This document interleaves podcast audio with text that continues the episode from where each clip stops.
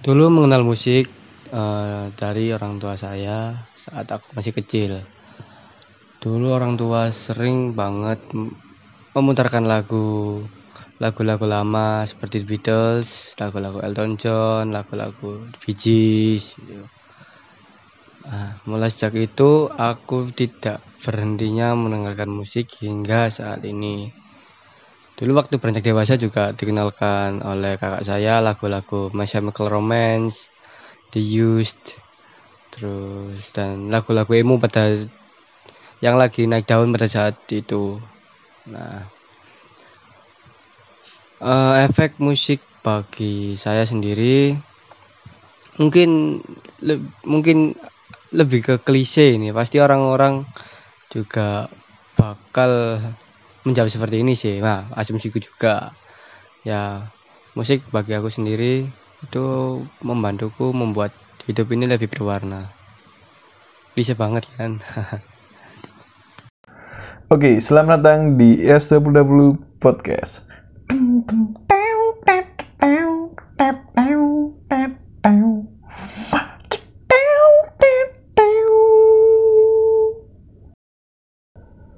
Bagi beberapa dari kalian yang mungkin bingung, kenapa sih judulnya musik still underrated?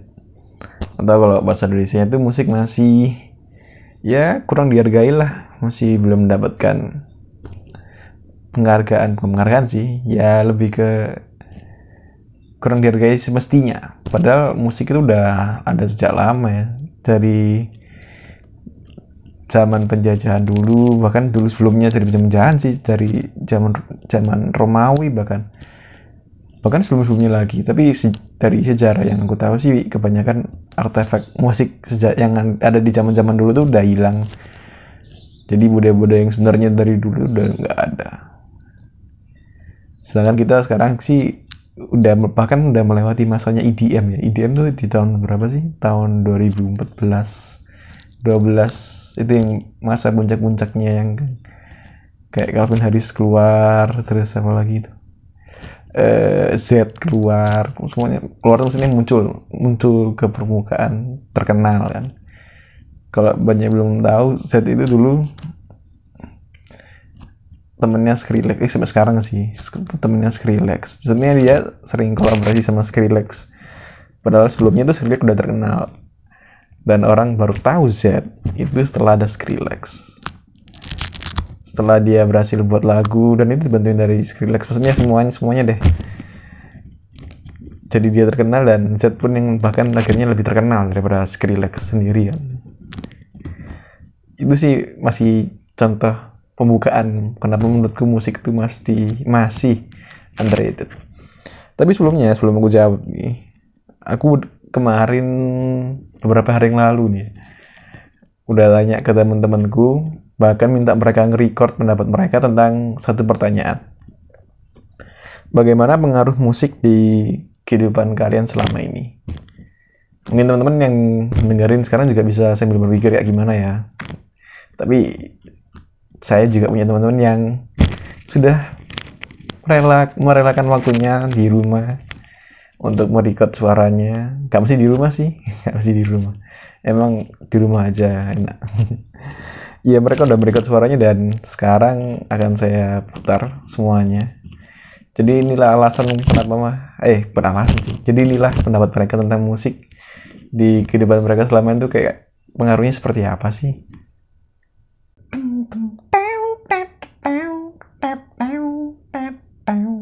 Hai, aku Tita kalau ditanya peran musik buat aku, banyak banget sih perannya. Walaupun aku orangnya itu buta nada, buta lirik, kalau nyanyi nggak pernah bener, asal-asalan banget. Tapi musik itu adalah sesuatu yang aku dengerin setiap hari, yang bener-bener setiap hari. Karena musik itu bantu banget kalau misalnya aku lagi belajar, terus hafalan, baca buku, atau lagi bengong-bengong ngegalau, pasti sambil dengerin musik. Karena aku juga anaknya gak suka sepi gitu ya, gak suka rame orang, tapi gak suka sepi. musik itu jadi penyelam, jadi penyelamat banget lah buat aku selain itu musik juga sebagai sarana buat aku untuk mengekspresikan feelingku. Jadi kadang kalau misalnya lagi sedih denger musik yang happy happy itu benar-benar naikin mood. Jadi kalau ditanya gimana peran musik buat aku sebagai anak yang gak bisa hidup tanpa musik setiap harinya walaupun gak punya bakat musik sama sekali musik itu adalah soundtrack hidupku. Ya gitulah musik secara general mungkin media ekspresi diri buat banyak orang. Dan buatku musik bikin semua perasaan jadi lebih baik. Yang bahagia jadi makin bahagia yang sedih jadi makin sedih.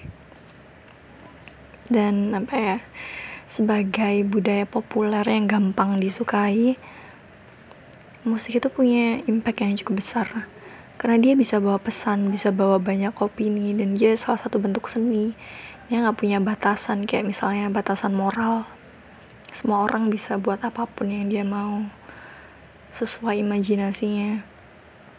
Dan mungkin sama kayak media lain kayak video gitu tapi musik itu lebih catchy lebih gampang diinget karena kita bisa ikutan nyanyi dan bisa diulang-ulang.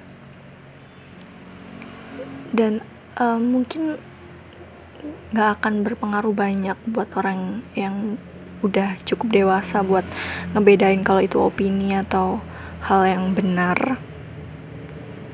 Tapi bisa bahaya buat orang yang lagi di uh, state yang nggak kayak gitu. Apalagi kalau misal isinya ada isu-isu yang sensitif kayak racism, sexism atau mental health terus di dalamnya ada anjuran-anjuran uh, atau klaim-klaim yang nggak baik buat diri sendiri dan orang lain. Karena uh, apa ya semakin dia populer semakin dia tiba-tiba tervalidasi. Tiba-tiba dia jadi dibenarkan padahal belum tentu benar dan baik ya itu seriusnya. Uh, buatku sendiri yang penyuka liriknya musik bikin kita relate sama orang lain. Uh, ternyata orang lain punya pengalaman yang sama dan ternyata perasaan kayak gitu itu ada. Yang sebelumnya kayak apa sih? Nggak penting banget. Ternyata diangkat dan dijadiin topik di lagu contohnya um, ya itu tadi karena dia buat hal-hal yang ada di situ tervalidasi. Jadi mungkin kita lagi ada lagi um, relate sama hal itu yang ada di lagu itu. Kita nggak ngerasa sendiri nggak ngerasa aneh dan abnormal. Mungkin itu sisi baiknya sih. Uh, dan lagi musik itu menurutku menarik karena kita bisa tahu tentang banyak hal tentang orang lain tentang musisinya mungkin. Uh, kayak apa dia dari musik-musik yang dia bikin padahal kita nggak tahu dia sama sekali.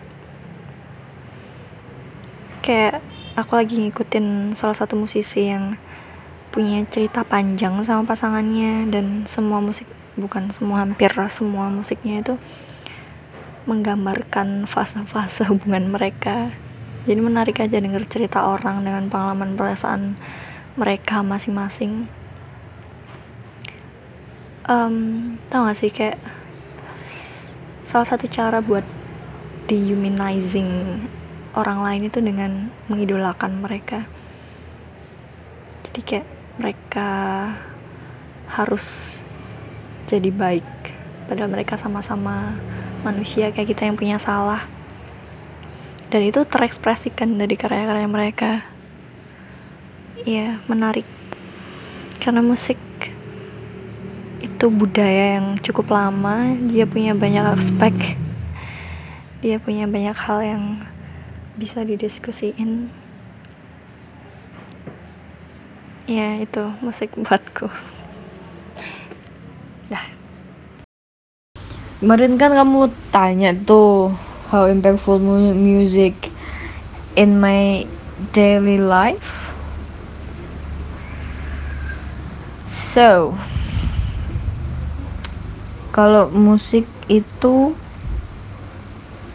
sebagai itu aja sih sebagai teman. Kalau dia kasih impact tertentu gitu mungkin tergantung suasananya aja. Sama jenis musik yang aku dengerin kalau lagi doing my routine kayak beberes atau masak atau belajar pun biasanya mungkin dengerin musik yang healing yang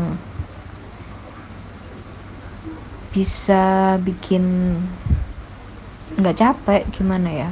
Kayak anti stress music yang easy to listen begitu.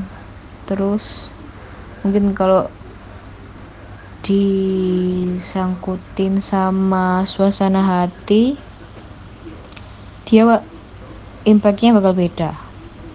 Mungkin lebih ber impact sih kayak kalau lagi sedih dengerin lagu-lagu sedih itu sedihnya nambah-nambah. Kalau lagi seneng dengan lagu seneng ya joget-joget kayak sesimpel itu musik itu. Dia kondisional gitulah tergantung situasi. Kalau penting enggaknya it's not that really important. Itu cuma side dish gimana ya? Ya dia fungsinya kalau buat aku pribadi itu temen. Kalau lagi senggang dia nggak perlu ada di setiap kehidupan. Eh gimana ya kok? Ya gitulah pokoknya. Jadi musik bakal aku puter kalau aku emang mau dengerin musik gitu aja. Thank you. Kalau ngomongin soal influence musik, mungkin bisa diawali dari orang-orang yang menginfluence musik ke aku sih. Yaitu dari ayah sama ibu. Kalau dari ayah sendiri suka banget sama lagu-lagu hard rock karya dari Bon Jovi. Terus ada lagu dari Halloween, Michael to Rock sampai ke lagu-lagu dari Brian Adams. Untuk ibu sendiri lebih suka ke lagu-lagu tradisional kayak dangdut, campur sari, sampai ke lagu-lagu kendang kempul. Buat yang nggak tahu lagu kendang kempul itu adalah salah satu genre musik tradisional dari Banyuwangi. Nah, karena perbedaan selera musik dari ayah sama ibu itulah yang membuat aku nggak pernah punya preferensi masalah genre musik favorit atau penyanyi favorit. Karena bagiku sendiri, musik yang enak adalah musik yang dinyanyikan atau didengarkan di momen yang pas. Jadi kalau tanya masalah playlist lagu di Spotify mungkin cukup variatif mulai dari lagu-lagu India kayak Kuch Kuch Hota Hai sampai ke lagu Bella Ciao yang akhir-akhir ini lagi booming karena serial Money Heist. Kemudian kalau dari Indonesia mungkin ada lagu-lagu Ras Muhammad yang reggae-reggae sampai ke lagu evaluasi karya Baskara Putra. Untuk influence musik sendiri ke kehidupan aku mungkin sejalan sama fase-fase dalam hidup sih. Pernah suka banget sama Versa Besari. Dulu karena juga suka lagi suka banget uh, mendaki gunung sama jadi anak senja. Kemudian suka juga sama 21 Pilots karena punya lirik yang berani dan keren sampai pernah juga suka sama lagu-lagu dari My Chemical Romance yang punya lirik patah hati tapi tidak disampaikan dengan menye-menye. Dan untuk saat ini mungkin tiga musik teratas yang lagi sering banget tak dengerin. Ada Rehat dari Kunto Aji terus ada juga karya Aras Buana yang judulnya I'll Be Friends With You. Dan yang terakhir adalah Rex Orange Country yang judulnya Untitled mungkin segitu sih yang bisa tak bagi soal masalah influence musik di hidup aku. Thank you.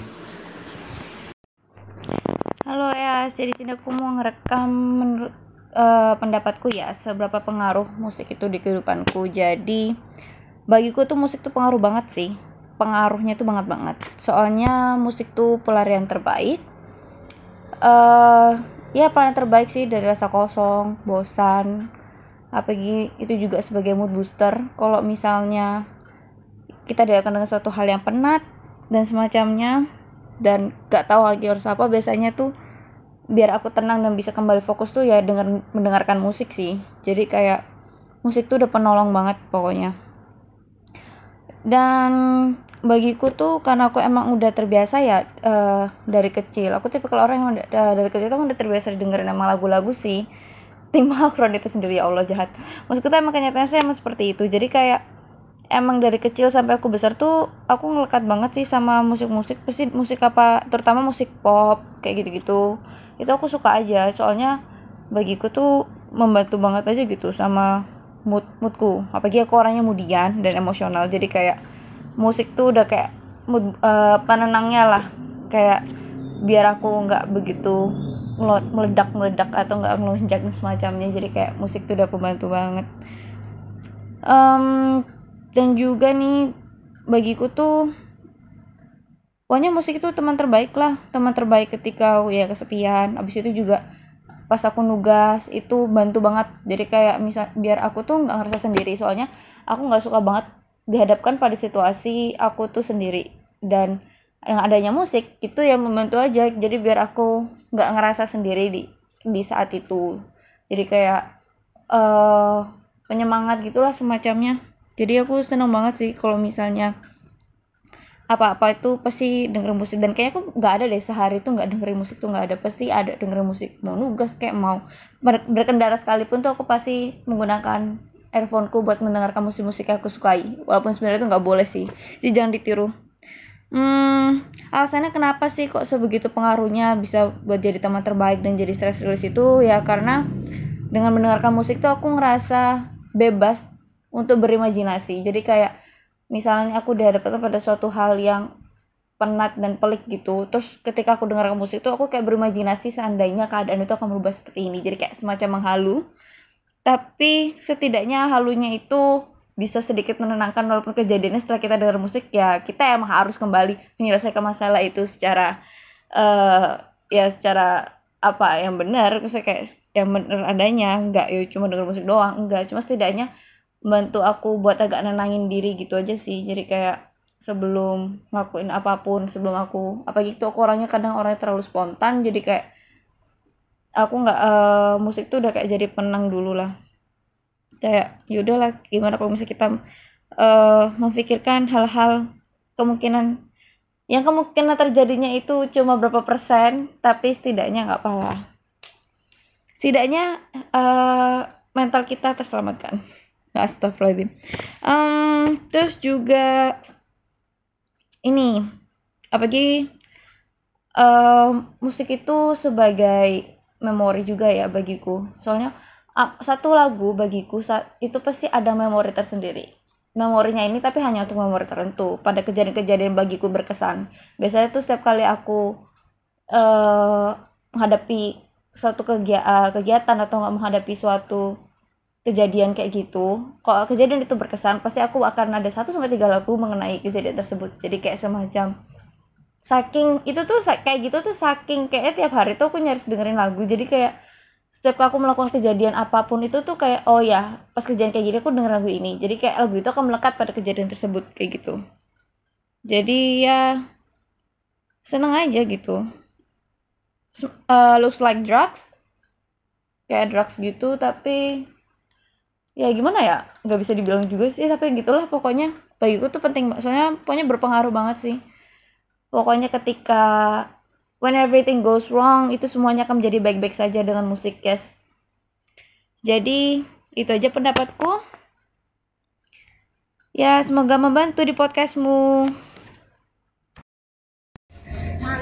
Oke, aku mau jawab pertanyaan ya tentang musik dan juga pengaruhnya untuk aku ya. Ini sebenarnya kalau aku pribadi aku bukan tipe orang yang memang suka dengerin musik yang setiap hari harus dengerin musik sih. Aku biasanya dengerin musik kalau misalkan aku memang lagi butuh musik itu. Jadi kalau misalkan lagi ngejain sesuatu hal ngejain di depan laptop nih uh, laporan atau membuat materi dan lain sebagainya biasanya aku dengerin musik biar nggak sumpah biar nggak stres aja sih sebenarnya gitu. Kalau uh, apa namanya biasanya yang musik yang suka aku dengerin itu lagu-lagu pop western yang kayak dari Ariana dari Shawn Mendes gitu. Aku suka lagu mereka sih. Tapi kalau biasanya jam 10 ke atas itu kan biasanya kita suka tuh random thought kayak kepikiran gak jelas gitu kan sedih atau mendadak galau atau overthinking tentang suatu hal biasanya aku suka tuh dengerin lagu galau 90-an gitu. Biasanya aku nemuin satu lagu yang aku yang bisa mendeskripsikan perasaan aku pada saat itu. Aku dengerin berulang-ulang sampai ketiduran gitu biasanya. Kalau oh, oh ya aku pernah pernah nemuin satu quotes sih dari Twitter. When we are happy we enjoy the lyric but when we are sad we understand the lyric itu bener banget sih menurut aku karena kenapa ya kalau kita tuh kalau lagi sedih gitu kan dengerin musik terus kita nemu satu lagu yang bisa mendeskripsikan perasaan kita tuh kayak rasanya priceless gitu kan rasanya kayak seneng banget gitu nemuin lagu itu dan akhirnya kita puter bolak-balik gitu kan sampai ketiduran. Itu biasanya sih biasanya yang yang sering aku lakukan gitu. Uh, kalau untuk impactnya mungkin bisa jadi salah satu cara untuk aku sebagai stress relief mungkin ya. Karena kan memang kalau aku tuh suka ngerjain satu hal habis itu aku puter musik tuh biar nggak stres aja sih biar have fun gitu loh.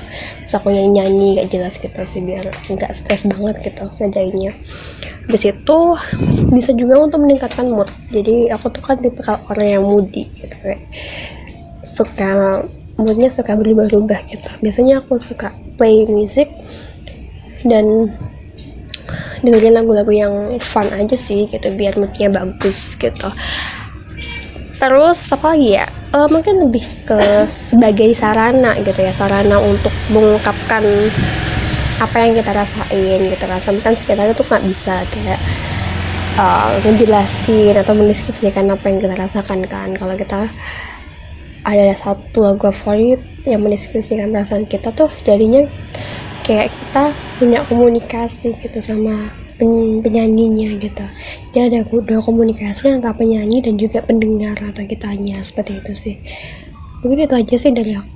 Makasih jadi begini ya pendapatku tentang apakah pengaruh musik di kehidupanku selama ini ya Jujur aja pengaruh, tapi juga tidak berpengaruh. Kenapa kok begitu? Yang pertama, pengaruh karena ya musik itu bagian dari salah satu pelepas stres lah. Mungkin ya semua uh, general banget lah pendapat tersebut kalau musik itu pelepas stres. Itu yang paling alasan paling receh lah buat pengaruh musik di kehidupanku selama ini. Tapi di samping itu, uh, ya aku pribadi menganggap kalau musik itu ya mungkin nggak nggak pribadi tak sih. Ya banyak orang juga yang menganggap kan kalau musik itu ya udah udah menjadi kultur culture culture whatever. Sudah menjadi budaya lah. Menjadi nggak nggak nggak cuman sekedar seni atau sekedar musik yang hanya didengar atau dinikmati saja tapi itu juga bagian dari lifestyle beberapa orang jadi bagian dari uh, budaya beberapa orang.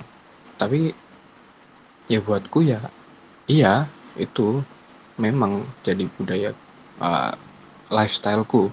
Tapi ya nggak nggak sampai nggak sampai ke sampai sing antusias banget sampai yang uh, aku belajar instrumen ABCD itu itu nggak nggak aku banget kalau kayak gitu.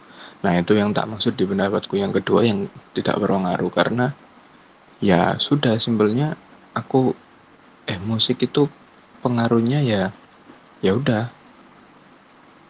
Pengaruh musik itu cuman aku nikmati aja gitu loh sebagai konsumen yang rata-rata lah ya standar ya mendengarkan musik terus ya kadang ya nyanyi nyanyi dewe nangati ya semacam itulah. Tapi kalau nggak berpengaruh ya karena memang nggak sampai ke antusias banget nggak sampai sing mau mau apa bikin musik atau belajar instrumen kayak gitu gitu itu nggak sampai hal yang seperti itu sih. Dan mungkin kalau sampai hal yang seserius banget itu enggak lah. Ya sempat ada kepikiran uh, kepikiran kalau wih bikin musik asik nih apalagi yang akhir-akhir ini ngetren EDM itu. Uh, dua tahun tiga tahun belakangan ngetren EDM itu.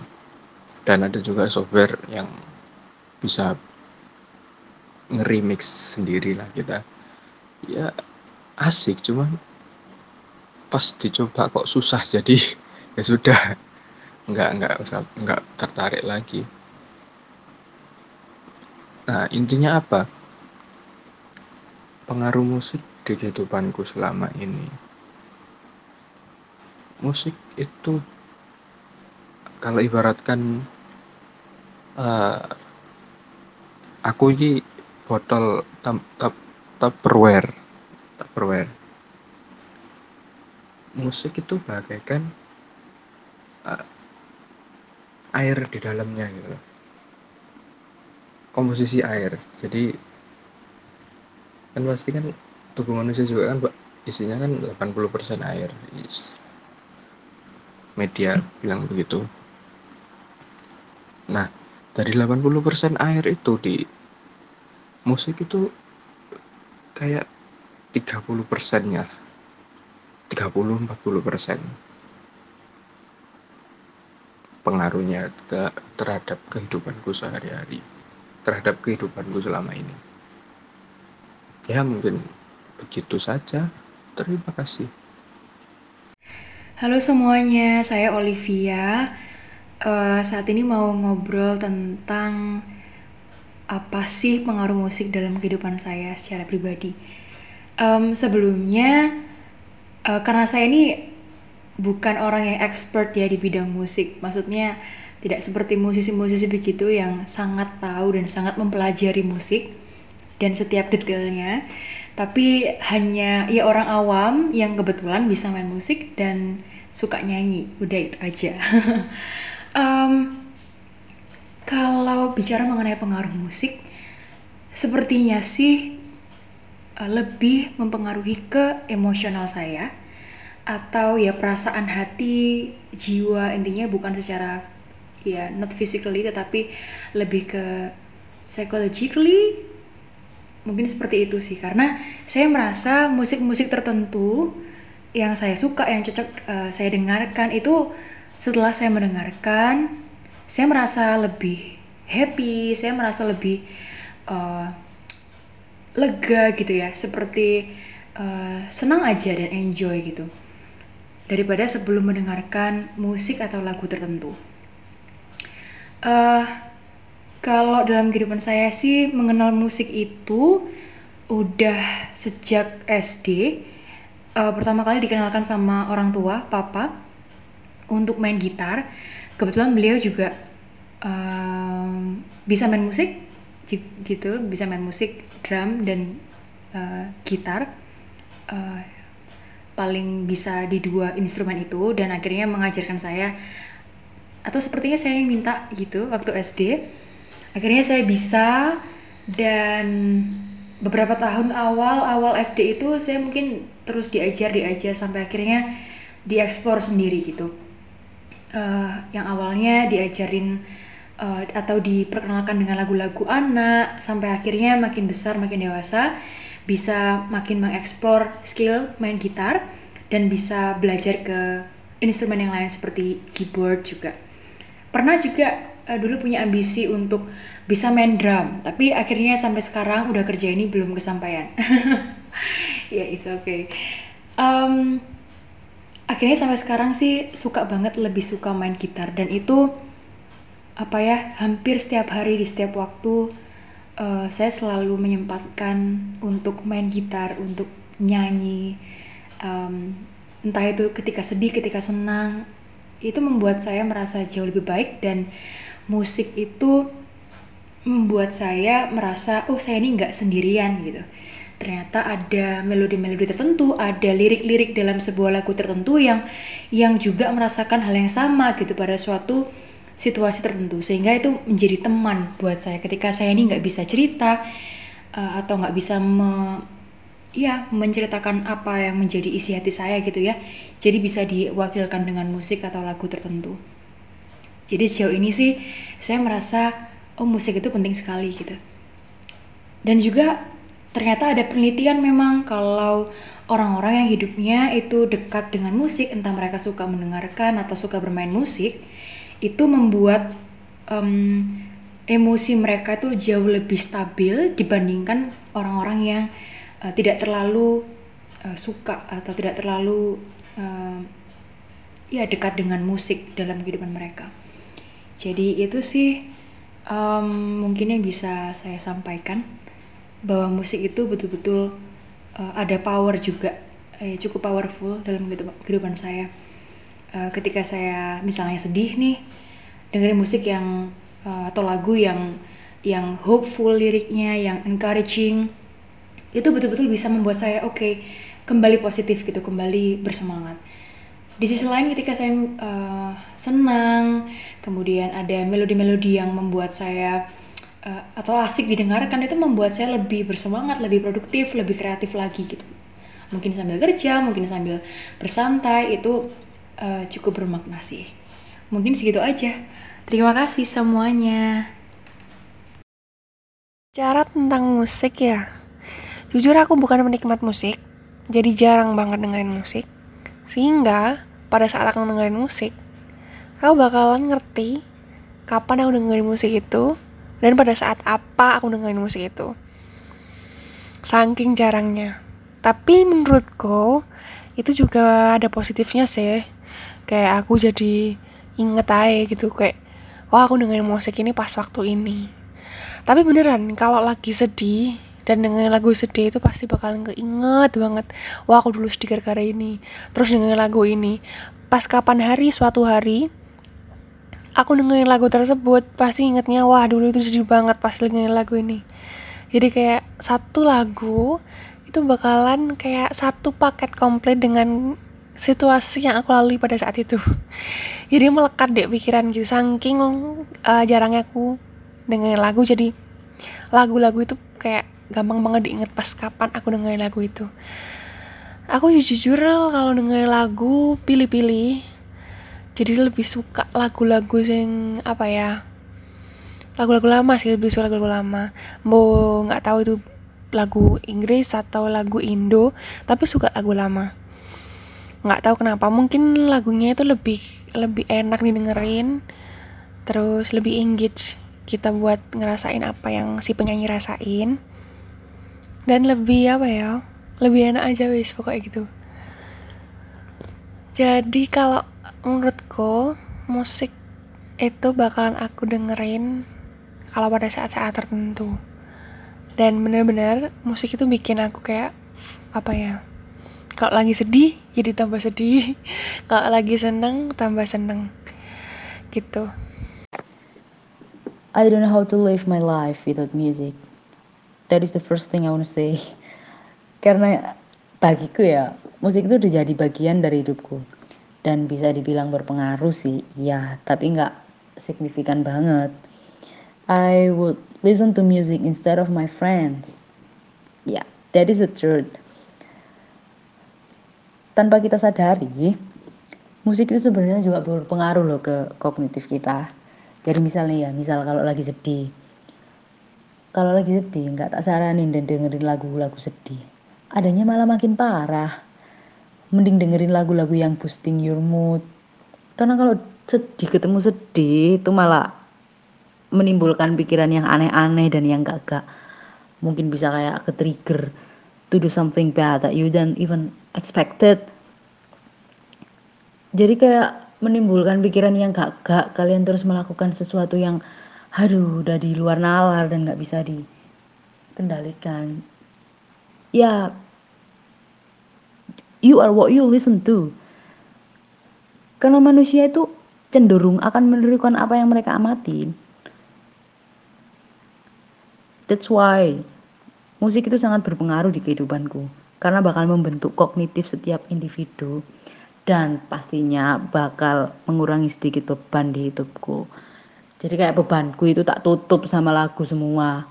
I don't care about people around me because what I need is music. Karena itu lebih baik ya kalau ngomongin pengaruh musik itu ya banyak di kehidupanku. Karena kini apa ya musik itu kayak udah udah jadi uh, become my best friend. I I don't know what to say but music is my best friend to escape my sadness bayangkan kalian kalau hidup gak ada musik nggak tahu sebosan apa itu. Ya jadi gitu kalau kalian lagi sedih gak tak saranin dengerin lagu yang sedih-sedih karena bakal semakin larut dan aduh ingat ya self love self love is the essential thing in our life.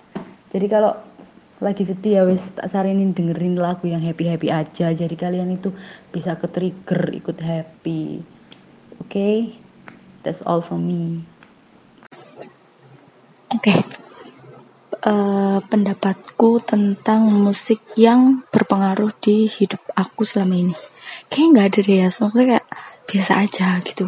Cuma emang aku dari dulu itu dari kecil tumbuh uh, sama musik gitu. Cuma kan kalau musik zaman dulu itu kan kayak orang tua aku masih belum tahu genre musik apa, genre musik apa gitu kan. Ya bisa lah orang tua punya tahu musik itu musik apa. Kalau nggak campur sari if you know. Habis itu dulu tuh aku paling ingat banget. Dulu kan masih zaman tuh ya yang ada DVD VCD kayak gitu-gitu kan. Nah aku tahu musik itu dari itu. Sebenarnya kayak apa ya ya musiknya yang zaman zaman dulu yang zaman kecil gitu yang kalau yang aku ingat sih kayak lagu-lagu anak-anak. Dulu tuh kan masih banyak ya lagu anak-anak itu. Masih berkembang masih bagus-bagus itulah pokoknya. Terus ya bapakku berusaha memperkenalkan aku sama agamaku itu ya dari musik itu. Juga lagu-lagu pujian buat nabi buat Tuhan dan lain-lain kayak gitu. Cuma ya namanya juga orang tua aku yang nggak punya pengetahuan tentang musik ya apalagi kalau bukan itu gitu. Terus dulu aku oh ya aku punya pengalaman sih cerita curhat aja gitu. Pengalaman kalau kan waktu dulu tuh kan si zaman ya les les primagama les les apa gitu yang kayak bener-bener uh, bagus gitu buat anak-anaknya gitu. Nah karena aku udah apa ya nggak tahu entah langganan atau emang kebetulan aja gitu kayak dapat bonus. Uh, kalau misalnya aku bisa ikut les belajar musik gitu di mana ya? Maksudnya di Purwacaraka atau di mana gitu lupa aku. Itu masih zaman zaman yang kayak gitu kayak aku langsung hah musik oh my god aku bingung. Kayak aku nggak punya gambaran kan musik itu yang mana instrumen itu yang mana. Yang aku tahu cuma ya udah piano gitar udah gitu doang kalau nggak sokal itu kan terus kayak dapat gratis kok kalau nggak salah tiga bulan apa lima bulan gitu aku lupa. Segituan lah. Terus waktu itu tuh aku suruh milih kan uh, vokal atau piano. Terus kalau nggak salah biola sama gitar sama drum. Nah kalau drum kan aku udah kayak mikir drum itu buat cowok gak mungkin buat cewek apalagi aku gitu aku berjilbab. Aku masih nggak tahu kan kalau ada drummer cewek itu aku nggak tahu. Terus aku pengen biola sumpah aku pengen banget biola. Keren tau biola. Zaman segitu ya zaman 2000-an sekarang 2000 sih maksudnya 2000 berapa gitu. Itu kayak bener-bener oh my god biola itu keren. Keren cuy keren. Gak banyak orang yang menguasai biola. Akhirnya aku bilang sama bapakku pak aku mau biola ya? Aduh biola alatnya mahal. Ya gugur lagi kayak ya wis lah gitu. Vokalnya ya apa? Halo suaranya poyo masa enak? Gitu aku langsung iya tahu sih emang penyanyi kamar mandi lah nggak ada enak-enaknya. Terus ya wis lah apalagi terus aku pernah itu pernah kalau salah nanya temenku teman deketku yang bisa gitar kan. Katanya susah dok jangan gini gini gini gini. Ya wes gak jadi kayak kalau bayangan oh tidak gitar piano aja. Ya udah aku pilih piano wes. Itu pun kayak apa ya ya namanya juga anak ya. Aku pada zaman segitu tuh masih SMP masih kayak mikir ngapain sih aku bosen? Aku nggak suka aku ini bukan ini bukan kesukaanku gitu. Saya udah selesai waktunya untuk dapat gratis ditawari kan mau nerusin apa enggak. Enggak aku males ya san. Bahkan sebelum sebelum waktunya habis sebelum gratisannya habis itu aku kayak males banget. Tapi gimana lagi bapakku terlanjur beliin piano. Tau gak sih kayak piano yang itulah tahu kan? Bukan bukan Iya apa sih kalau sekarang bilangnya keyboard atau apa gitu yes kayak gitu kayak piano yang bisa dibawa ke mana-mana gitu Oke As, uh, pertanyaanmu kan pengaruh musik di hidupku. Oke kalau aku sendiri, menurutku sendiri di hidupku musik itu memberi banyak pengaruh-pengaruh positif. Uh, misalnya kayak pas lagi sedih atau mungkin lagi stres, itu biasanya dengerin musik dan seringnya musik itu bisa bikin aku lebih lega gak merasa sedih, sedih terus-terusan atau mungkin stres terus-terusan. Jadi musik itu kayak bisa memberi energi-energi positif biar uh, kita itu biar aku aku itu nggak terus-terusan merasa sedih itu pertama. Terus uh, aku kan bisa main alat musik uh, main alat musik itu bisa jadi salah satu wadahku untuk apa ya untuk menenangkan pikiranku yang lagi sedih atau mungkin lagi stres. Jadi kayak misalnya pas lagi stres lagi sedih selain dengerin musik aku juga kadang-kadang coba main alat musik khususnya main gitar kayak gitu. Terus selain itu musik juga kalau buat aku sendiri itu menambah lingkup temanku.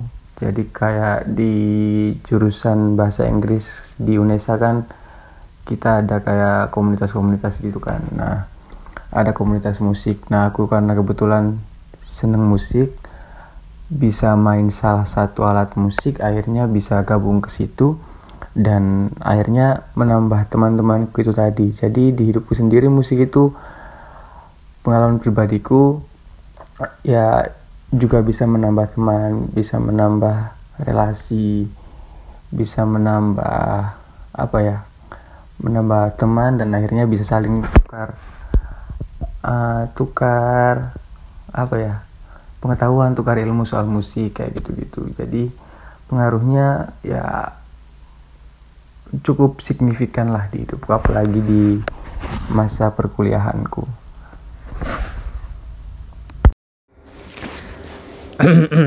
Oke, um, bahas tentang musik ya. Kebetulan banget aku tuh punya pengalaman yang banyak. Enggak sih, enggak banyak sih, dan enggak terlalu penting sih. Tapi uh, menurut aku musik bisa jadi uh, saksi bisu lah gitu, menemani masa-masa kecil nih. Jadi mas dulu itu uh, aku tuh memang sudah deket banget sama yang namanya musik. Musiknya sih bukan bukan uh, ini ya bukan main musik gitu ya enggak. Cuman uh, kayak karya musiknya itu sih. Jadi dulu tuh kakekku itu kan seneng banget uh, tentang musik tentang uh, campur sari tentang terus juga ada tentang wayang. Pokoknya tentang budaya-budaya itu sih. Beliau tuh seneng banget. Nah dari cucu-cucunya beliau itu nggak tahu kenapa kok uh, yang melekat atau yang dekat sama uh, hobinya beliau itu aku gitu. Jadi aku tuh lebih ke lebih seneng ke musik kayak gitu-gitu. Maksudnya enjoy gitu kan. Waktu dulu kan uh, anak kecil kan enjoy gitu ya. Seneng aja gitu denger dengernya meskipun nggak seberapa ngerti dan uh, nggak nggak memahami tapi gimana ya kalau musik itu kan kalau bagi aku tuh kan di di enjoyin aja ya gitu di asikin aja lah gitu didengerin dinikmatin. Nah um, sampai-sampai nih gitu uh, aku sampai gedenya maksudnya beriringnya waktu aku jadi kolektor. Jadi mesti kalau misalkan ya mau ke mall atau mau ke pasar Wonokromo dulu itu kan zamannya tape ya atau uh, radio yang kaset itu kan.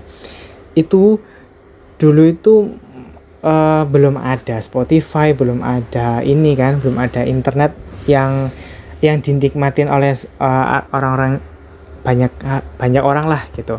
Nah dulu tuh kalau beli itu mesti original sih mas. Kalau misalkan tape yang kaset kaset tape itu loh yang kotak itu itu kan original.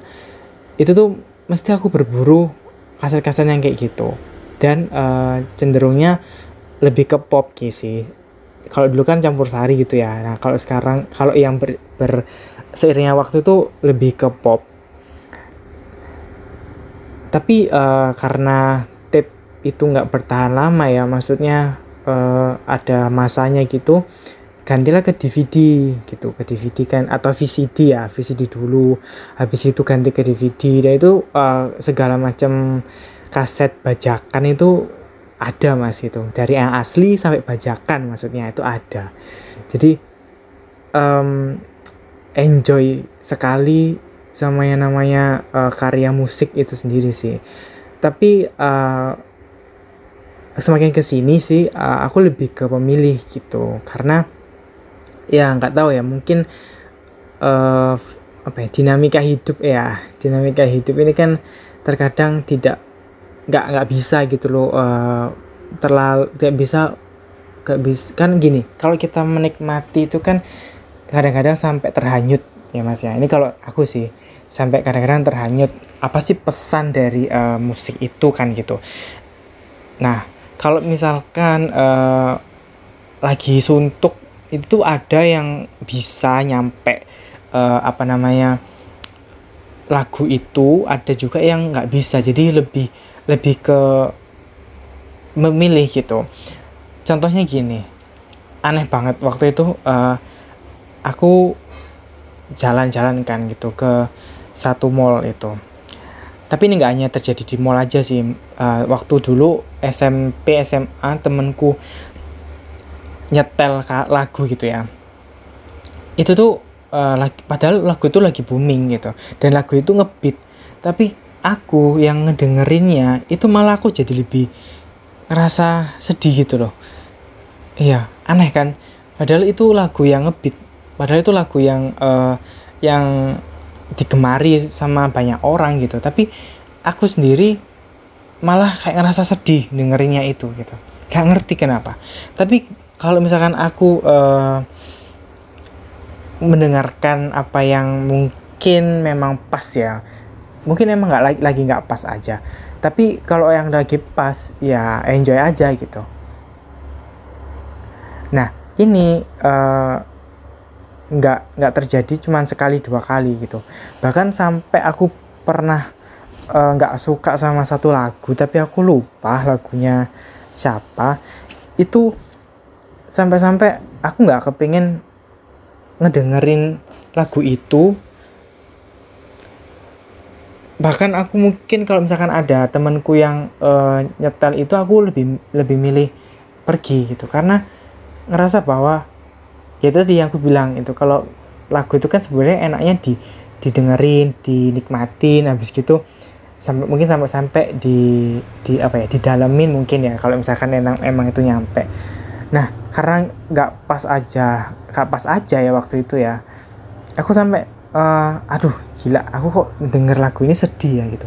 Bawaannya tuh sedih padahal lagunya tuh ngebeat aneh gitu. Nah daripada uh, menyiksa diri ya akhirnya aku milih untuk itu sih menghindar sih gitu. Meskipun ya nggak nggak bisa menghindar banget. Ya ini ini uh, tentang lagu yang uh, aku pernah sampai aku gak suka gitu. Jadi lebih ke pemilih gitu. Memang akunya itu lebih ke pemilih sih. Iya tapi kalau ngomongin tentang musik sendiri atau ngomongin tentang lagu itu memang benar-benar uh, sudah melekat di waktu kecil dan oh iya dan percaya atau enggak ya dulu itu aku tuh sampai sempet punya cita-cita. Cuma cita-cita jadi, jadi penyanyi loh. Padahal ngomong ngomong aja fals ini ya. Tapi emang beneran sih aku sampai uh, kepingin jadi penyanyi. Kepingin uh, gimana sih kayak nyanyi kayak gitu cuman aku nggak nggak pede gitu. Cuman aku kurang kurang pede. Akhirnya melampiaskannya ke ini ke ke presenter. Halah apaan sih? Jadi uh, kalau misalkan aku MC atau apa itu sebenarnya keinginanku untuk tampil aja sih mas. Oke okay, sorry kalau gak jelas. Jadi intinya intinya musik itu emang uh, sudah darah daging ke aku sampai sampai sampai aku uh, aku cerita tadi kan uh, ada yang bikin aku seneng ada yang bikin aku nggak seneng. Terus juga sampai sampai aku punya pikiran pengen jadi atau pengen jadi penyanyi segala macam meskipun itu nggak akan mungkin terjadi. Karena uh, ya wis nggak nggak akan mungkin aja sih gitu. Oke okay, mas it, mungkin itu sih uh, menurutku ya musik di kehidupan aku oke okay, thank you Hai nama aku Sylvia atau biasa dipanggil Agatha Bicara tentang musik, bagi aku ibarat berbicara tentang siapa aku. Kalau ada frasa yang bilang, you are what you eat. Di sini kita ganti jadi, you are what you listen to. Kenapa? Karena dari musik, kamu bisa tahu kepribadian seseorang, pun dengan suasana hati orang. Next, pengaruh musik dalam hidup aku. First of all, kakek dari papa aku seorang seniman. Zaman dulu, beliau aktif banget ikut grup utoprak keliling sana sini sampai akhirnya pensiun dan memutuskan membangun rumah dan memulai kehidupan tetapnya. Karena pada masa itu seniman hidupnya gak tentu gitu. Kakek adalah sosok yang hebat buat aku. Beliau bisa memainkan hampir semua alat musik dan alhamdulillah darah seninya nurun ke cucu-cucunya. Musik adalah satu dari sekian hal yang cukup bahkan sangat berpengaruh dalam hidup aku. Aku mulai les gitar sejak kelas 5 SD dan berhenti kelas 6, lalu otodidak sampai sekarang. Tapi beberapa ilmu juga aku dapat dari teman-teman di tongkrongan. Sejak saat itu, musik adalah bagian dari aku yang jarang diketahui orang lain, termasuk genre musik apa yang sering aku dengerin. Kalau orang kenal aku, mereka nggak bakal tahu kalau ternyata genre musikku berbeda dengan ekspektasi mereka. And I love to see their response. Dari musik, aku belajar bagaimana membuat prosa. Merangkai kata-kata gitu, karena beberapa musik memiliki lirik yang dalam dan menyentuh.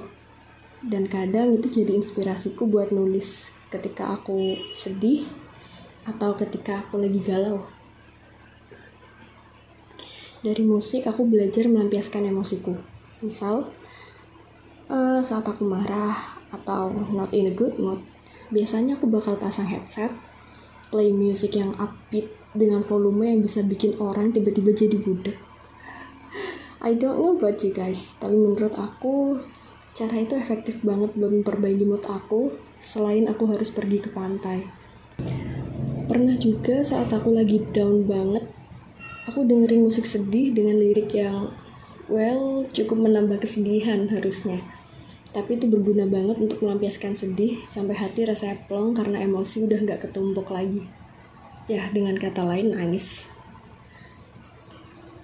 atau sekedar gitar lagu sedih dan nyanyi sekencang mungkin buat ngelampiasin emosi. I'm kinda introvert person. Walaupun sometimes aku bisa jadi orang yang extrovert. Ketika aku sendirian dan menghabiskan banyak waktu di kamar, music was my only friend that I had at that time. Nyari lagu yang liriknya pas sama suasana hati, terus nyanyi sekeras-kerasnya That's why tadi aku ngomong, lewat musik kamu bisa tahu suasana hati seseorang. Karena ya beberapa orang memilih musik sebagai media curcol. Musik juga bisa jadi temen yang pas buat nemenin aku pas lagi gambar atau sketching. Rasanya kayak inspirasi tuh ngalir gitu aja. Dan bener-bener jaga mood biar gak ngerusak gambar. Plus, Last but not least, yes, musik amat sangat berpengaruh buat aku. How about you guys? Jadi yang kemarin itu Mas Yas ngajak buat kali ini kita bahas tentang musik. Nah di sini aku bingung, musik, musik kan luas banget ya kalau misalnya kita bicara tentang musik. Semua hal mulai dari uh, musisi, uh, lagu, uh, instrumen segala macam semuanya banyak hal yang berkaitan dengan musik. Uh, tapi kemarin Mas Yas bilang gimana eh seperti apa sih selama ini musik mempengaruhi hidupmu? Jadi di sini aku sekalian mau berbagi cerita mau berbagi uh, ya cerita apa yang aku alami selama ini terutama yang berkaitan dengan musik. Uh, kalau bicara soal musik emang cakupannya luas banget. Kita nggak bisa uh, istilahnya mempersingkat karena memang uh, banyak banget aspek dalam musik, dalam seni karena memang uh, semua orang suka musik, semua orang suka musik entah itu dari segi penyanyi, dari segi lagu, dari segi komponen segala macam. Pokoknya luas lah. Nah, kalau misal kita bicara tentang genre kesukaan atau uh, penyanyi kesukaan, kalau dari aku sendiri dari dulu bisa dibilang nggak pernah sih kayak mengidolakan penyanyi atau orang yang berkarya di bidang musik yang fanatik banget gitu. Kalau misal suka, ya ya emang suka aja sebatas suka dengerin lagunya, uh, ikutin perjalanan karirnya itu suka. Cuman kayak ngefans fanatik banget itu aku rasa sih enggak. Cuman dulu itu hmm, awal-awal aku masih SMP itu suka banget sama lagu-lagunya Dewa 19. Pokoknya dulu kan uh, suka banget sama manajemennya Ahmad Dhani dulu itu kalau nggak salah namanya Republik Cinta Manajemen. Nah di situ itu ada banyak banget musisi, band, duo bahkan yang dinaungi sama Ahmad Dhani kan. Dan itu semuanya kayak gila keren banget. Sampai akhirnya ya dari situ suka suka uh, dengerin lagu-lagunya karena memang aku rasa semua lagu ciptaan Ahmad Dhani itu oke okay banget. Terus uh, setelah itu kalau misal uh, disuruh bilang apa sih genre favorit? gitu. Sebenarnya aku nggak ada kayak spesifik spesifikasi. Aku suka aku suka genre apa sih tuh? Nggak ada sih sebenarnya. Selama ini aku lebih ke kayak uh, ngikutin tren gitu aja. Jadi kalau misal sekarang ini lagi hype genre ini lagu ini penyanyi ini ya udah. Uh, aku juga sama kayak yang lain suka suka dengerin suka nyari-nyari info tentang lagu itu penyanyi itu. Jadi kayak setiap uh, bulan atau setiap minggu kalau ada lagu baru yang hype ya emang banyak yang suka ya aku ikut suka. Jadi kayak nggak ada uh, meskipun lagu, lagi lagu ini lagi hype aku suka banget sama genre yang aku minati itu enggak cuman aku sama ini ngikutin aja sih kayak ya udah karena memang musik itu memberikan kesenangan ya udah lakukan aja yang yang membuat kita senang. Dan yang membuat aku senang adalah mendengarkan ber, berbagai mas, macam musik itu. Jadi kayak nggak ada spesifikasi aku harus selalu dengerin lagu ini dari penyanyi ini tuh nggak ada. Jadi semuanya udah ngalir aja lah ikutin yang lain gitunya gitu intinya gitu. Terus kalau misal uh, bicara soal ini tadi masih tentang genre kesukaan ya uh, sebenarnya aku bisa dibilang suka sama semua genre musik. Bahkan even kayak dangdut uh, sampai K-pop aku juga suka. Kenapa? Karena memang ya itu tadi sih. Uh, bermusik itu menurutku adalah sebuah kebebasan. Bermusik ini bukan dalam artian aku memainkan musik atau aku menciptakan sebuah karya dalam bentuk musik enggak. Tapi kayak lebih ke aku mendengarkan musik mengikuti musik gitu. Jadi aku lebih membiarkan diriku untuk bebas mau mendengarkan apa aja. Mau mendengarkan genre musik apa aja. Jadi entah itu K-pop even dangdut sekalipun it's okay buat aku gitu loh. Terus percaya nggak sih kalau misal aku itu juga suka banget sama uh, dangdut klasik? Kayak siapa ya? Roma Irama Rita Sugiarto bahkan Elvi Sukaisi itu ada juga beberapa lagunya yang sebenarnya aku hafal dan suka. Karena memang gimana ya ternyata setelah aku cari tahu lagu-lagu dangdut klasik itu juga enak banget gitu. Uh, terlebih lagi uh, lagu-lagu K-pop gitu. Jadi sebenarnya uh, gimana ya aku nggak kayak yang lain gitu loh. Kenapa sih kok suka dangdut kenapa sih kok suka K-pop? Menurutku ya udah terserah aku kan. Kayak istilahnya kon lo gak bayari Spotify ku lah pokoknya ngatur-ngatur playlistku. Gitu. Jadi kayak berbagai cerita aja ya dulu itu eh uh, SM ya SMP kan dulu aku sempat tinggal sama Pak De Bude aku. Dan di situ uh, ada salah satu lagu K-pop itu yang uh, menurutku enak banget. Itu lagunya Girls Generation judulnya All My Love Is For You. All My Love Is For You itu lagu yang ditulis dalam bahasa Jepang, ya bahasa, uh, bahasa Jepang. Dan saat itu keadaannya uh, Pak De aku lagi sakit beberapa bulan sampai akhirnya meninggal. Dan selama beberapa bulan itu, All My Love Is For You ini adalah lagu yang paling sering aku dengerin. Jadi sampai sekarang kalau misal aku dengerin lagu ini, All My Love Is For You, jadi feelingnya tuh yang dulu itu masih ke bawah sampai sekarang gitu loh. Jadi pengaruh lagu itu dengan kehidupan kita itu sangat erat, sangat kuat karena memang uh, menurutku uh, salah satu cara untuk mencari kesenangan, salah satu cara untuk melepaskan beban itu adalah dengan mendengarkan musik. Karena memang musik itu bukan sekedar uh, apa ya? Musik itu adalah sesuatu yang besar, bukan sekedar uh, suara-suara yang mungkin bikin berisik atau gimana tapi musik itu juga mengandung pesan ada cerita uh, juga yang terpenting adalah mewakili perasaan dan isi hati jika kita udah uh, misal uh, suka sama satu lagu yang merepresentasikan feeling atau perasaan kita saat ini, suatu saat kalau kita dengerin lagu itu, jadi perasaannya juga masih ke bawah. Kayak contoh aku tadi dulu uh, waktu Pak dia aku meninggal uh, dan sakit sering dengerin dengerin lagu All My Love Is For You itu yang dalam bahasa Jepang. Dan itu kalau sampai sekarang aku dengerin lagu itu semua ya yang aku rasain semuanya itu juga masih ke bawah sampai sekarang. Bahkan bisa kalau aku bener-bener uh, dengerin lagunya dengan tenang dengan keadaan yang apa ya relax benar-benar uh, mengingat apa yang terjadi dulu itu bisa sampai nangis. Serius. Jadi uh, pengaruh musik ini menurutku sangat besar sekali. Jadi uh, setiap musik setiap judul lagu itu sebenarnya yang aku dengarkan punya cerita sendiri-sendiri. Uh, judul lagu ini merepresentasikan uh, perasaanku yang gini pada saat seperti ini gitu. Jadi uh, intinya aku itu nggak ada kayak spesifikasi aku suka banget sama genre apa dan aku nggak suka sama genre apa. Karena uh, aku selama ini pengalamanku aku dengerin lagu ya karena aku suka karena lagunya bagus.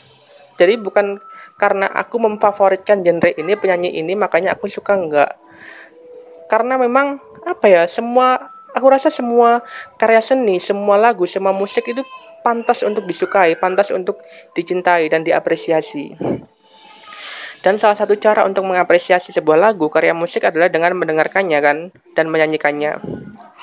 Jadi ya gitu sih kalau dari aku sendiri aku coba untuk menyukai semua jenis musik. Jadi kayak nggak ada aku nggak suka banget sama musik ini, aku nggak suka banget sama genre ini.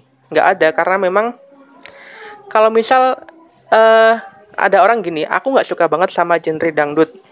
Tapi kalau misal ada satu lagu dangdut yang buat kamu seneng, emang kamu bisa paksain perasaan kamu buat tetap benci lagu dangdut? Enggak kan? Jadi ya semua itu nggak bisa dipungkiri kita itu se sebenarnya kita itu bisa cinta sama semua jenis musik sama semua genre lagu. Hanya saja kadang kita itu malu untuk mengakuinya sebenarnya ini juga yang dari dulu bikin aku kayak mikir kenapa sih harus ada semacam diskriminasi pada genre lagu Misal gini, kalau seorang mengaku dirinya K-popers atau seorang mengaku dirinya itu suka banget sama dangdut, pasti ada beberapa orang lain yang berpandangan kayak gini. Kenapa sih kamu suka lagu K-pop? Alay. Kenapa sih kamu suka lagu dangdut? Itu norak. Sebenarnya itu sangat apa ya? Sangat gak penting gitu loh. Kenapa kamu uh, judge orang dari uh, cara dia menikmati hidupnya? Dia suka genre K-pop, dia suka genre dangdut, itu adalah salah satu cara dia menikmati hidupnya. Dan dia menikmati hidupnya dengan caranya sendiri, bukan dengan caramu. Jadi kenapa kamu harus repot menjudge orang itu? Gitu. Jadi gitu sih. Kenapa nggak kita let them free aja buat nemuin apa yang mereka senangi, gitu kan?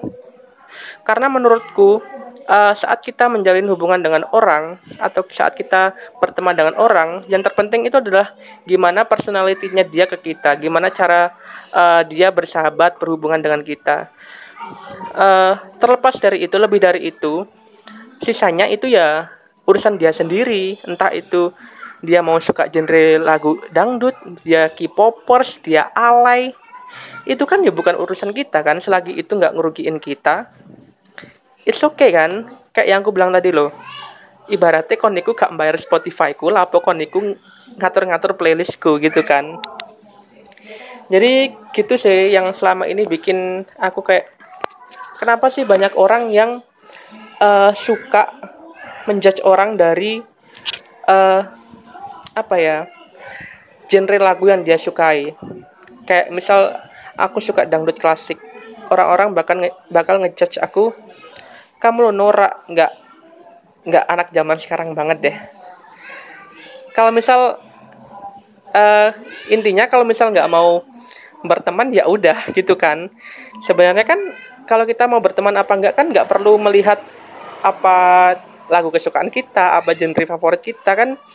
Berteman kan uh, genre kesukaan atau apa pun itu kan bukan salah satu aspek dalam uh, bersahabat gitu kan jadi ya itu sih lebih baik uh, ada baiknya kita uh, apresiasi apa yang orang lain orang lain lakukan let them free mereka untuk menemukan kesenangan hidup mereka sendiri tanpa kita menjudge gitu jadi gitu sih yang bisa aku bagikan sama uh, di podcast Mas S kali ini tentang musik. Jadi sekali lagi musik itu benar-benar memegang peranan penting dalam kehidupan sehari-hari karena memang uh, benar-benar bisa perbaikin mood itu yang paling penting. Terus itu sangat uh, represent our our feeling banget kayak yang aku sebutin tadi salah satu lagu yang sampai sekarang kalau aku denger itu ingatan aku akan masa-masa itu tuh masih kerasa banget sampai sekarang gitu jadi uh, pesanku buat semuanya uh, tetap nikmati hidup kalian tetap uh, temukanlah kesenangan dalam dalam diri kalian dengan cara kalian sendiri.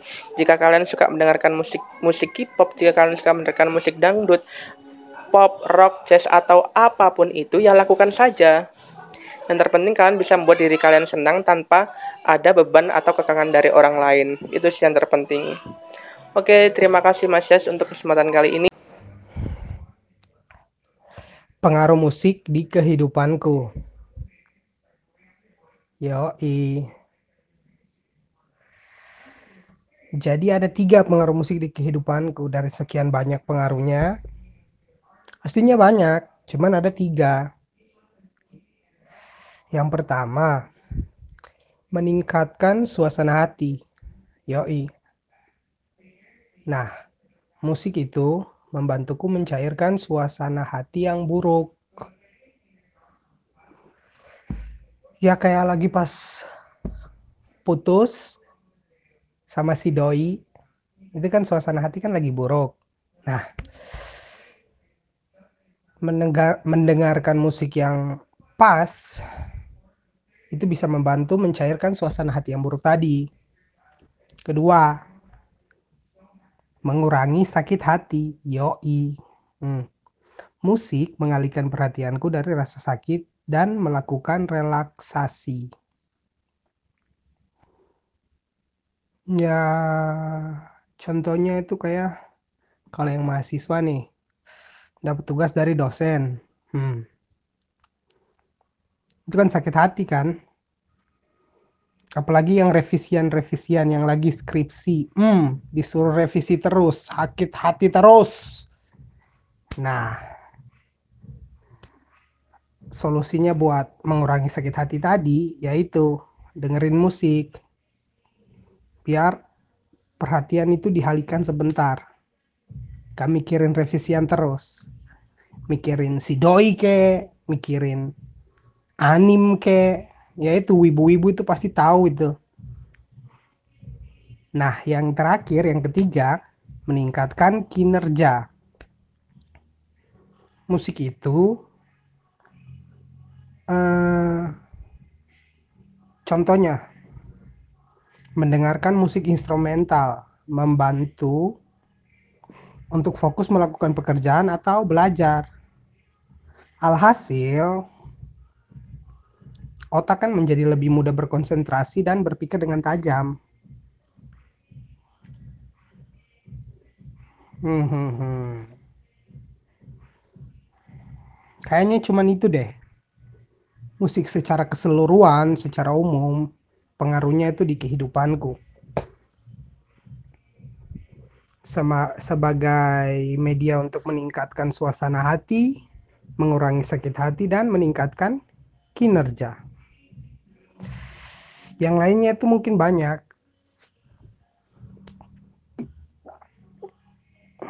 Tapi yang aku rasa dalam hidupku cuma tiga itu. So, thank you. Musik bagiku itu it supports my moments, my feelings, my exactly feelings. Jadi ketika um, nothing to do pada saat itu juga bisa juga buat hiburan. Um, ketika nothing to do aku langsung buka Spotify aku, aku play um, lagu-lagu yang menurutku ngebeat yang pas buat um, cheer me up ketika nothing to do itu ketika momen yang aku bisa bilang mom, um, good moment ya good moment good feelings. Tapi ketika um, in a bad feeling lagu juga bisa buat hiburan. Tapi terkadang disalah artiin sama orang lain dalam tanda kutip dijadikan hiburan penghibur. Um, kayak misal temanku sedih and then I play a song yang related um, with their situation sama situasinya mereka atau um, sesuai sama kesedihan yang dia alami. Terkadang aku dimarahin um, ngapain pasang lagu yang malah dukung kesedihanku? Jadi suruh kadang disuruh ganti sama lagu-lagu yang ngebeat um, jadi biar lagu itu menghibur mereka yang sedih. Aku pikir itu um, pendapat atau penggunaan lagu yang salah menurutku. Sebagai tanda kutip hiburan, um, kayak misalnya ketika aku sedih, I choose the best lagu ballad or lagu mellow yang sesuai sama situasiku pada saat itu. Um, apalagi at that moment I cannot cry. Jadi lagu itu bahkan bisa menjadi a helper to me to to cry. Karena kan terkadang kalau sedih um, kita nggak bisa nangis. Tapi ketika udah nangis kita kita plong dan lagu itu yang menolong.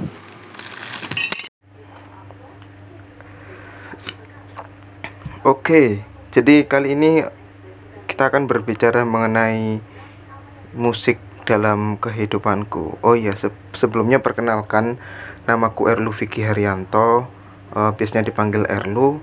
Aku berasal dari jurusan Pendidikan Bahasa dan Sastra Indonesia, Universitas Negeri Surabaya, semester 8. Sekarang ini aku sedang menempuh skripsi.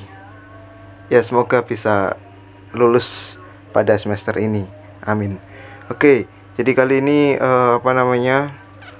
Ada temanku uh, dia sekaligus teman berproses untuk uh, apa ya membentuk diri asik ya jadi EAS itu memintaku untuk uh, apa namanya berbicara mengenai uh, musik dalam hidupku itu bagaimana uh, sebetulnya uh, musik setiap orang itu pasti berbeda-beda gitu kan. Karena ada juga banyak genre musik atau jenis musik di belahan dunia ini. Mulai dari pop kemudian jazz reggae dangdut dan lain sebagainya. Oke okay. uh, untuk apa namanya aku sendiri sih suka berbagai jenis musik. Nggak hanya satu uh, musik aja yang aku sukai. Aku suka berbagai jenis musik pop suka jazz suka kemudian uh, apa namanya dangdut juga suka. Lalu uh, elektro apa itu EDM EDM juga suka rap juga suka. Uh, tapi uh, satu hal yang apa namanya membuat aku menyukai musik itu karena uh, menurutku dalam musik itu bisa uh, apa namanya memberikan satu energi positif pada diriku. Menurutku pribadi seperti itu. Jadi energi positif itu datang dari musik apa yang ingin uh, apa namanya aku dengarkan. Semisal uh, apa namanya aku sedang ini kalau remaja-remaja ini ya pada umumnya biasanya kalau patah hati atau bagaimana itu musiknya kan uh, rada melo-melo gimana gitu kan. Uh, jadi uh, kadang aku juga pernah mengalami hal seperti itu. Kemudian aku mencoba untuk memutar musik yang sekiranya cocok aku dengarkan dan untungnya memang apa ya berdampak menurutku. Meskipun itu tidak bisa langsung menghilangkan uh, apa ya rasa atau uh, sakit yang uh, sedang dialami seperti itu. Tapi itu membantu membantu untuk healing healing itu penyembuhan seperti itu nah uh, dalam musik itu juga sebenarnya ada maksud atau pesan yang disampaikan penulis lagu atau pencipta lagu kepada pendengarnya.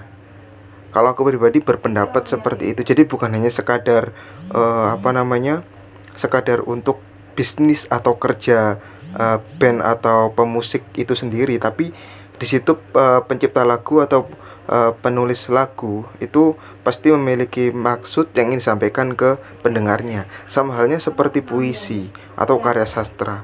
Pasti seorang pengarang itu takkan uh, apa ya semena-mena atau uh, apa ya secara tidak sadar bukan seperti itu tapi mereka itu secara sadar dan mereka menuangkan gagasan serta pikiran uh, gagasan dan perasaannya itu melalui lagu atau musik yang dia ciptakan seperti itu jadi uh, menurutku pribadi musik yang apa namanya aku dengarkan uh, secara pribadi aku maknai pasti pengarang atau pencipta lagu itu memiliki makna atau maksud untuk disampaikan ke pendengarnya masing-masing seperti itu. Nah, uh, kembali lagi kita berbicara healing tadi karena musik. Hal itu memang benar-benar terjadi apa namanya? nggak hanya di aku mungkin, mungkin juga di sebagian anak. Seperti itu. Apalagi sekarang yang tren lagunya Pamungkas, lagunya Ardido Pramono dan lain sebagainya itu apa ya menurut uh, menurutku itu bagi penggemarnya itu benar-benar bisa apa ya bisa uh, memberikan suatu rumah bagi para apa namanya penggemar atau pendengarnya seperti itu karena musik yang diberikan oleh musisi-musisi uh, tersebut atau pencipta lagu tersebut itu mempunyai makna atau maksud untuk pendengarnya. Seperti itu. Kalau aku sendiri uh, alhamdulillah uh, sudah coba untuk mengimplementasikan dari belajar bermusik uh, contohnya gitar. Meskipun uh, apa ya notabene memakai chord dasar tapi juga aku terus uh, belajar untuk memahami banyak chord yang lainnya uh, satu hal lagi uh, apa ya dalam bergitar juga ada yang namanya finger style itu mencoba untuk menyanyikan lagu melalui alat musik gitar. Jadi tanpa uh, apa namanya suara dari orang yang menyanyikannya, tapi gitar itu sendiri yang menyanyikannya. Lalu untuk pribadi ketika aku bermusik itu enjoy gitu loh, enjoy kemudian seneng dan apalagi kalau benar-benar menghayati itu bisa sampai melepas semua beban seperti itu. Jadi uh, aku pribadi menyukai musik. Karena apa ya? Tadi uh, dalam bermusik itu pasti ada maksud dan tujuannya. Meskipun meskipun uh, tidak sedang patah hati atau tidak sedang uh, sedih uh, mendengarkan musik itu pasti ingin memberikan apa ya hawa baru atau kesejukan baru bagi uh, yang ingin mendengarkannya. Tidak mungkin uh, tidak mungkin ujuk-ujuk orang menyalakan musik itu tanpa maksud. Itu yang uh, aku pahami dari musik. Yang pasti uh, dalam aku sendiri dalam kehidupanku bermusik apa ya sudah menjadi uh, salah satu bagianku sehari-hari. Seperti itu. Uh, apa ya? Banyak hal yang bisa kita petik atau kita ambil uh, dari sebuah lagu. Uh, meskipun banyak lagu yang sekarang digemari remaja terkait dengan uh, apa ya soal asmara atau soal kegalauan tapi masih ada banyak juga yang uh, menciptakan lagu itu karena melihat sisi sosial kemudian sisi kemanusiaan.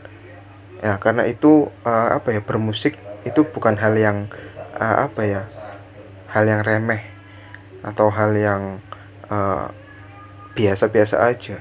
Karena lagu itu sendiri juga hasil dari penciptaan atau hasil dari perenungan uh, penciptanya. Sama seperti karya sastra. Contoh lagu yang uh, berkaitan dengan kemanusiaan lagu-lagunya Iwan Fals itu juga berkaitan dengan kemanusiaan. Kemudian lagunya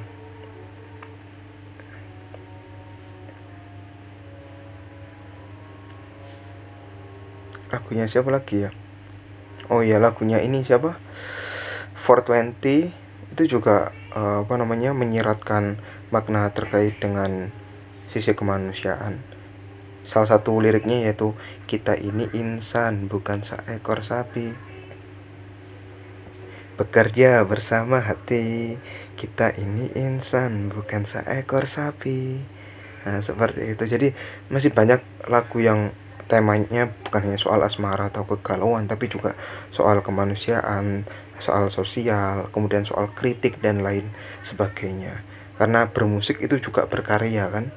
Berkarya dengan jalannya uh, musisi tersebut. Jadi jangan memandang apa namanya suatu suatu apa suatu pekerjaan suatu pekerjaan atau suatu hal dari sebelah mata. Pasti uh, dari sisi-sisi yang lainnya itu dia juga punya hal yang baik atau sisi yang baik. Yang terpenting jangan underestimate. Seperti itu. Oke kalau kamu nggak menyukai dangdut nggak masalah. Tapi jangan menjudge bahwa dangdut itu seperti ini. Oke kamu nggak menyukai jazz jangan men, uh, apa namanya meng, memberikan uh, pendapat atau sanggahan yang itu menjelek-jelekan jazz semua genre atau semua jenis lagu itu punya kekhasan masing-masing dan juga uh, apa namanya penggemarnya masing-masing. Seperti itu. Oke itu saja sekian dari aku. Mohon maaf kalau ngomongku terlalu uh, apa ya bertele-tele atau terlalu daki-daki. Terlalu tinggi. Uh, kesimpulannya musik bagi kehidupanku sehari-hari sudah menjadi bagian dari kegiatan sehari-hari. Bahkan hampir setiap hari atau setiap hari uh, gitar yang ada di rumah itu nggak uh, pernah nggak tak sentuh. Jadi meskipun itu hanya sekali menyanyikan satu lagu pasti aku mainkan gitar yang ada di rumah oke jadi untuk teman-teman uh, tetap melestarikan lagu-lagu apa namanya ciptaan musisi dalam negeri. Nggak masalah kalau apa namanya menyukai musisi dari luar negeri. Karena itu memang hak masing-masing tapi tetap support uh, apa musisi dalam negeri kita dan lagu-lagunya. Seperti itu. Oke terima kasih uh, silakan didengar ocehan yang ya semoga saja bermanfaat. Oke sampai jumpa.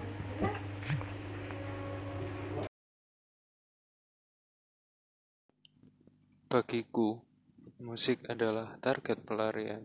Tempatku berhenti sejenak menikmati kesendirian